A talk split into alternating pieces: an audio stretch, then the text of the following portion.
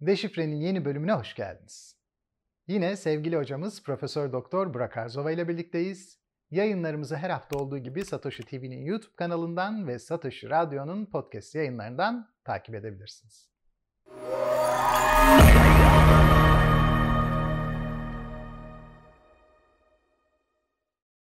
Burak Hocam, bugün sizin çok iyi olduğunuz bir konuda konuşalım diyorum. Hayırdır, neymiş bakalım? İletişim. Sağ olun, çok teşekkür ederim. Sizin gerçekten her daim kusursuz bir iletişiminiz var. Üstelik bu iletişimde sizin böyle hem bir sıcaklık hem de belli bir mesafe var. Bence tam ideal bir böyle e, hareket alanı. İki taraf içinde veya çoklu taraflar içinde kusursuz bir denge tutturduğunuzu düşünüyorum hakikaten. Hem nezaket hem sıcaklık aynı anda. Tabii bunların aynılarının şirketler tarafından da yapılması gerekiyor. Ee, bir yandan da yatırımcılarla yatırım yapılacak yerler arasındaki iletişimin de böyle olması gerekiyor. Tabii şeffaflık, hesap verilebilirlik bunların hepsi aslında iletişimin içinde. Bir yandan pazarlama gibi doneler de bunun içinde. Sizce iletişim işletmede ve iktisatta nasıl tanımlanmalı? Aslında iletişim kelimesini çok kullanıyoruz. İletişim her alanda var. Mesela merkez bankaların iletişimi sözlü iletişim konusunu çok kullanıyoruz. Bizim Merkez Bankamızdan tutun da e, en çok ele aldığımız Amerikan Merkez Bankası Fed'in iletişim politikalarından da bahsediyoruz. İletişim aslında güven aktarımı diye ben kısaca özetliyorum. Yani size bir güven duyuluyorsa siz e, o sözel yönlendirmeyle ya da sözlerinizle piyasanın nereye gidebileceğine ya da nereye evrilebileceğine yönelik onları yönlendirebiliyorsunuz ve aslında piyasanın dilinden konuşmak. Yani bulunduğunuz ortamın dilinden konuşmak da iletişim olarak adlandırılıyor. E, işte gittiğiniz zaman mesela komünikasyon diyorlar Fransızlar ya da communication, komünik etmek karşılıklı birbirini anlamak. Yani bir tarafı sadece konuştuğunuz zaman o monolog haline dönüşüyor. Ama karşı tarafı dinlediğiniz zaman, diyalog olduğu zaman ve birbirinizi anladığınızda o iletişim bir anlam ifade etmeye başlıyor. Ekonomide de böyle. Yani piyasa bir başka dilden konuşurken siz piyasanın konuştuğu dilin bambaşka bir diliyle onlara hitap ettiğinizde hem güvenilirliğinizi yitiriyorsunuz hem piyasa bir müddet sonra kulaklarını size kapatıyor ve sizi dinlememeye başlıyor. Dolayısıyla ikisinin arasındaki kopukluk da iletişim bozukluğunu ortaya koyuyor. O da ekonomik kararların, gelecek yönlü alınacak ekonomik kararların bazen doğru kararlar olmamasını, ekonomi politikalarının yanlış politikalardan oluşmasını, ekonomik kararların yanlış kararlardan oluşmasını ve aslında size konuşan bir piyasanın duyulmaması nedeniyle onların isteklerine cevap vermemek anlamına geliyor ve böylece bağ kopuyor. İletişim aynı zamanda bir bağ. Yani kişilerin arasında bir bağ, hayvanların arasında bir bağ, ekonomik kurumların arasında bir bağ olarak kısaca özetleyebilirim. Evet, çok kısa olmadı ama. Yo, çok, ama çok iyi özet oldu. Peki hocam iletişimde biraz önce o güven sağlamadan bahsettiniz ya. Çoğunlukla iletişim birimleri, işte PR kuruluşları veya bir PR departmanı açıklanabilirliği üzerine düşünüyor çevreye güven vermek adına gerçekler belli bir aşamaya kadar saklanabilir mi ya da sonsuza kadar saklanabilir mi? Bence doğru konuşmak en büyük güven. Yani doğru bilgi vermek, doğru konuşmak en büyük güven. Ben bunu e, pandemi döneminde Amerika'da çok net yaşadım. İki taraf vardı. Bir tanesi Trump hükümeti ve Trump'ın her gün yapmış olduğu basın toplantıları. Diğer tarafta da Andrew Cuomo yani New York valisi onun yapmış olduğu bilgilendirme toplantıları. Önce New York valisi konuşuyordu saat 10-10.30 civarlarında konuşmaya başlıyordu. Arkasından da Trump konuşuyordu.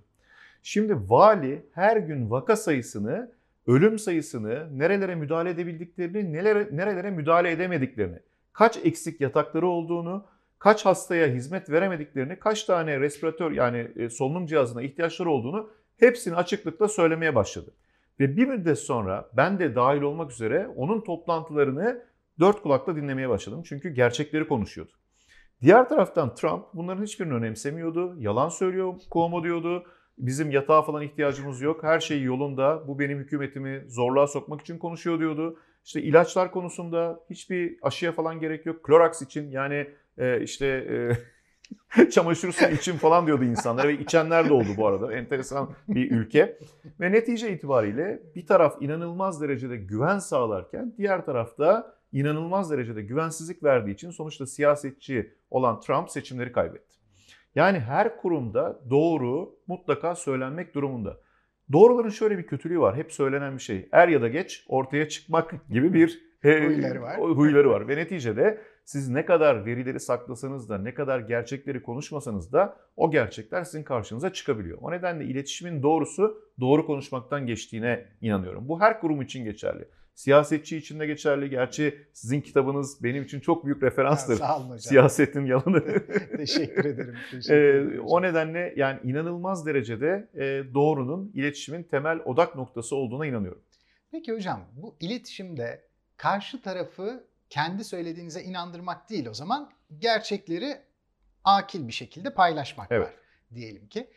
Peki bu söylenirken içerik kadar biçim de önemli oluyor mu? Mesela hiç sempatik olmayan bir şekilde doğruları söylemekle veya işte çok sempatik olarak doğruları söylemekle, kızgın olarak söylemek, işte e, alttan alarak söylemek. Bunlar mesajın içeriği aynı olsa bile mesajın iletildiği kişi üzerindeki etkisini değiştiriyor mu? Çok doğru. Yani retorik dediğimiz şey belki üslup Türkçe'ye e, değiştirebiliriz. Böyle bir şey aslında. Yani neyi söylediğinizden ziyade o söylediğinizi nasıl söylediğiniz çok önemli. Hitap ederken insanlara nasıl hitap ettiğiniz önemli. E, çok konuşuyoruz, konuştuğumuz, aramızda da konuştuğumuz siz diye hitap eden birinin size karşıdan sen diye hitap etmesi ya da genel konuşma içerisinde aslında fark etmeden onu aşağılayıcı bir konuşmak ya da etnik kimliğine, inanışına, işte giyimine laf etmek bunlar aslında iletişimi tamamen ortadan kaldırabilen unsurlar oluyor. Bir de ben şuna inanıyorum. Çok güzel bir söz vardır. Başkasının içinde öğüt vermek aslında o kişiyi e, cezalandırmak ya da onu e, aşağılamaktan farklı değildir derler. O nedenle iletişim aslında doğru kanalla yapılmalı. Bir kere bu en önemli husus. İkincisi karşıdaki kişinin anlayabileceği ölçüde ve onun anlayabileceği ölçünün dışında onunla doğru iletişimi kurabilecek üslupla yapılması gereken bir husus. Yoksa siz gerçekleri bağıra bağıra söylediğiniz zaman ve karşınızdakini rencide ederek, kırarak bunu ifade ettiğinizde aslında birçok şeyi yıkıyorsunuz ve karşınızdaki sadece o kızgınlıkla size kızgınlık duymaya başlıyor ve kulaklarını içeriğin kendine kapatıyor. O zaman esas içeriğin duyulması isteniyorsa o iletişimin doğru yapılması ve karşılıklı olarak belki de en iyi çözüme ulaşılması gerekiyor. Sıkça konuştuğumuz şeffaflık ve hesap verilebilirlik de ancak iletişimin içinde Tabii, mümkün oluyor. tabii. O zaman şeffaf bir iletişim ve hesap verilebilirlik için tarafların birbirlerine kulaklarını sürekli açık tutması gerekiyor. Yani kutuplaşmanın tam aksi bir yönde pozisyon alınması gerekiyor. Peki hocam şirketler veya ekonomi yöneticileri burada size göre olmazsa olmaz olarak neleri yapmalılar? Bir kere e, dediğim gibi açık olmaları gerekiyor. Yani verilerin doğru açıklanması gerekiyor. Kimsenin verilerden korkmaması gerekiyor. Çünkü gerçek olan o. Siz ne kadar verileri farklı olarak ifade etseniz de yaşanan hayatın içerisinde o veriler bir şekliyle kendi yüzünü gösteriyor.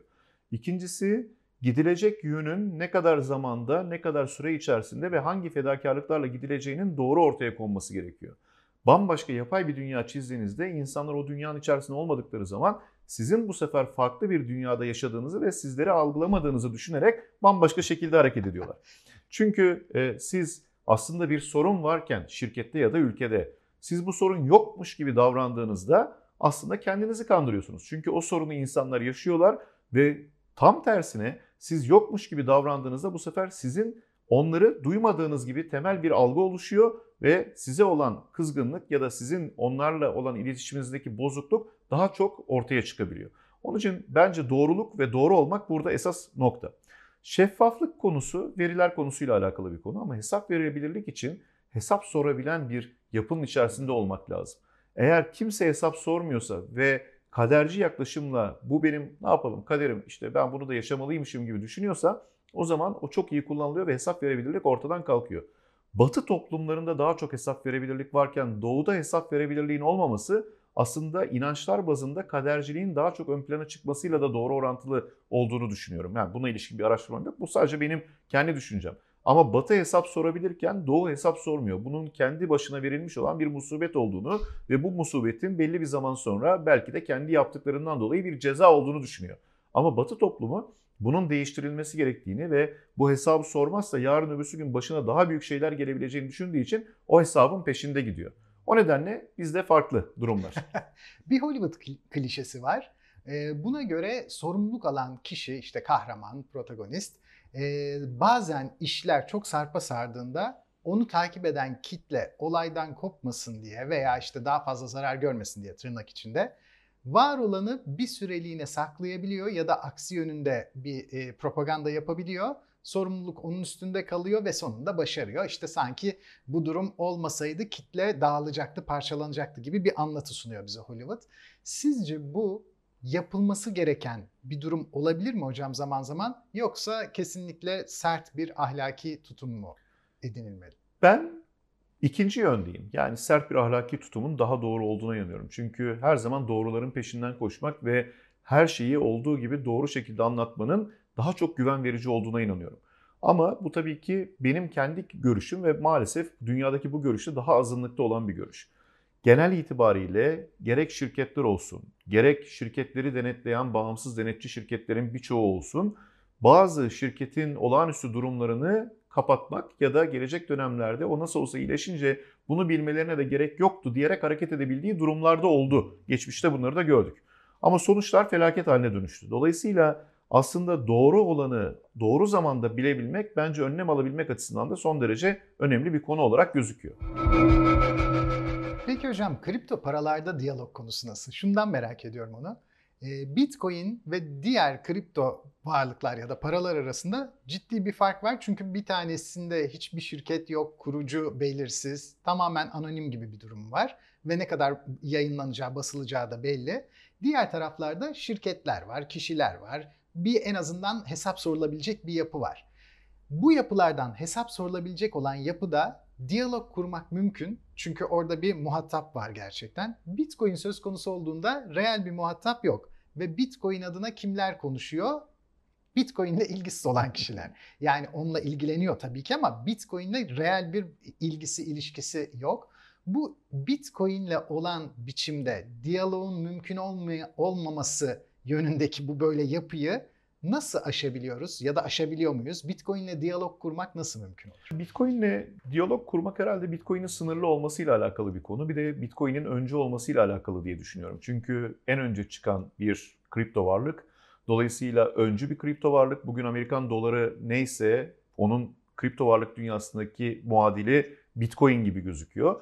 Çok dominant ve dolayısıyla onun geçmiş performansı ve e, o sınırlı sayıda olması bence güven duyulmasının sebeplerinden bir tanesi. Oysa daha yeni çıkmış olan, e, ortaya çıkarttığını belli, izahnamesinin içerisinde farklı öyküler koyanlar da olmasına rağmen o kadar güven duyulmuyor. Çünkü yaygın değil. Yaygınlık ve kabul edilebilirlik güvenle ortaya çıkan bir unsur olduğu için bence Bitcoin ayakta tutan en önemli şey ona duyulan hala büyük güven. Harikaydı hocam vallahi. Ağzınıza sağlık. Çok teşekkürler. Deşifre'nin yine bir bölümünü geride bıraktık. Her zaman olduğu gibi Profesör Doktor Burak Arzova bize harika şeyler anlattı. Eğer sizler de benimle aynı kanıdaysanız kanalımızı takibe alabilir ve böylece her hafta Profesör Doktor Burak Arzova'nın bu harika sohbetinden yararlanabilirsiniz. Haftaya Deşifre'de tekrar görüşmek ümidiyle.